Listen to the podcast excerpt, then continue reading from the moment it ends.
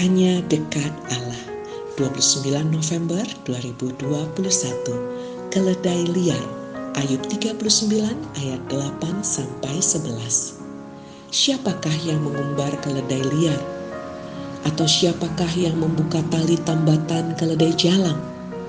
Kepadanya telah kuberikan tanah dataran sebagai tempat kediamannya dan padang masin sebagai tempat tinggalnya. Ia menertawakan keramaian kota, tidak mendengarkan teriak si penggiring.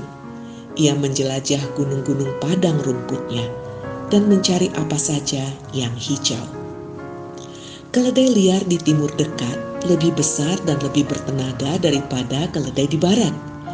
Banyak keledai menjelajah secara bebas, tetapi yang lain ditangkap, dijinakkan untuk menjadi alat transportasi atau untuk melakukan pekerjaan tertentu.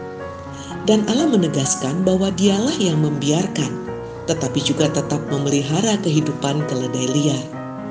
Allah yang memberikan tanah sebagai rumah dan mencukupi kehidupan keledai-keledai liar itu dengan padang rumput.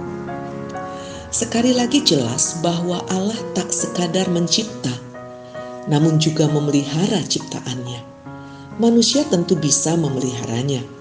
Namun, biasanya itu tergantung sejauh mana binatang atau tumbuhan memberikan manfaat baginya.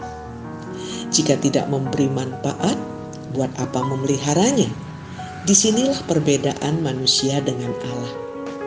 Kelihatannya Allah ingin menunjukkan bahwa dia peduli.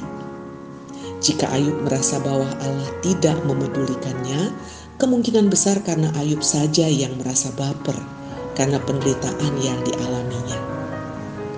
Itu juga yang sering kita rasakan ketika bencana menimpa kita. Namun, kita boleh percaya bahwa Allah Sang Pencipta mustahil mengabaikan ciptaannya. Salam semangat dari kami, Literatur Perkantas Nasional. Sahabat Anda bertumbuh.